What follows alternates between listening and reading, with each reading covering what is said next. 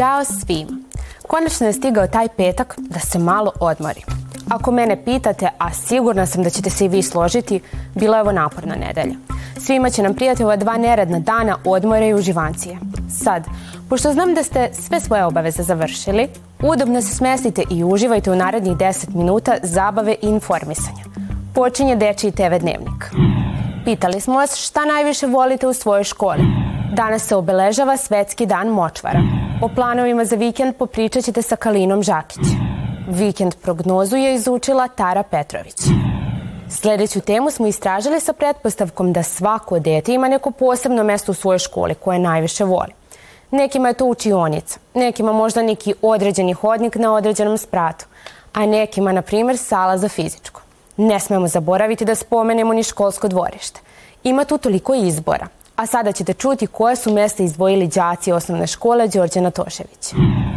U mojoj školi mi je omiljen boravak. U svojoj školi najviše volim teren, jer tamo igramo futbol. Najviše mi se sviđa e, deo kod biblioteke, zato što su tu knjige. Pa učionicu.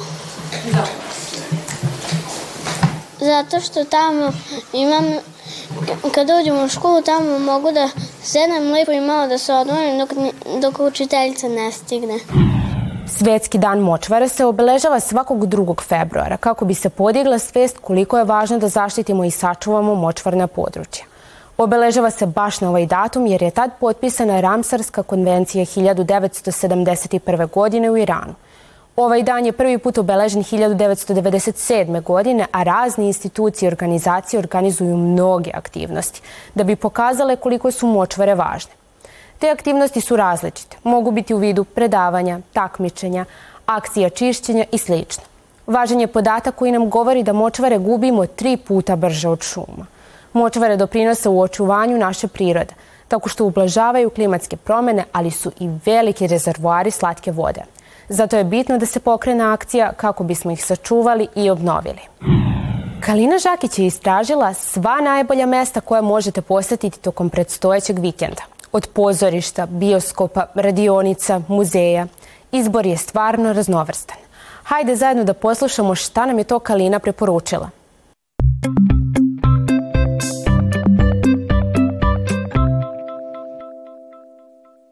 Pozdrav drugari! Nadam se da je još jedna uspešna nedelja bila i za vas i da ćete uživati u predstojućem vikendu. Pripremila sam nekoliko predloga za vas, pa predlažem da počnemo.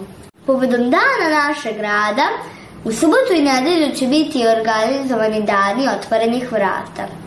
Svi zainteresovani potpuno besplatno će moći da posete neke izložbe, e, koncerte, predstave i da saznaju nešto više o Novom Sadu. Više informacije možete posetiti na sajtu turističke organizacije Novog Sada. Znate već da ja volim da vam preporučujem predstave iz pozorišta mladih, pa u, u subotu ćete moći da pogledate predstavu Mala vila. To je više preporuka za devojčice, ali imam jednu za dečake. Pinokio. To je na repertoaru u nedelju. Prošli put sam vam preporučila da odete u bioskope i pogledate film Lesinova avantura, a ja sam to i učinila. Bio je vrlo poučan, a i sinhronizovan.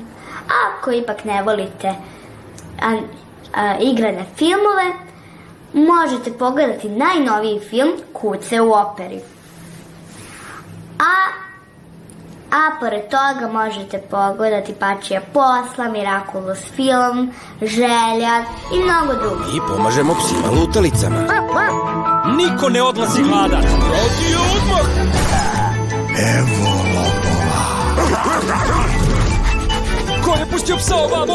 Baš sladak. Eto, mislim da sada imate dovoljno razloga da se lepo provedete u subotu i nedelju. Mi se vidimo već za 7 dana sa novim predlozima. Ćao! A sada je kucnuo čas za najvažniju vremensku prognozu. Vikend prognozu. Od nemeteorološkinje Tare Petrović ćete saznati sve informacije o vremenu tokom vikenda, ali po nešto vezano i za ponedeljak. Zato pogledajte šta je pripremila za vas.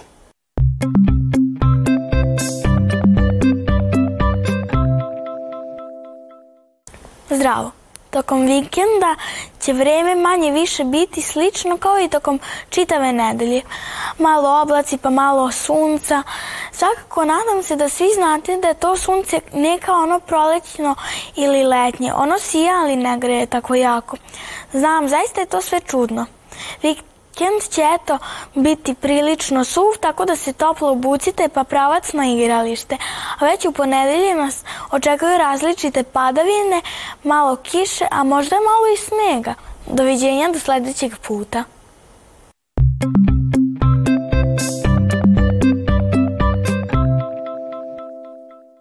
Došli smo do kraja današnje emisije. Našu emisiju gledajte ponovo u ponedeljak, kada izlazi najnoviji Dečiji TV dnevnik.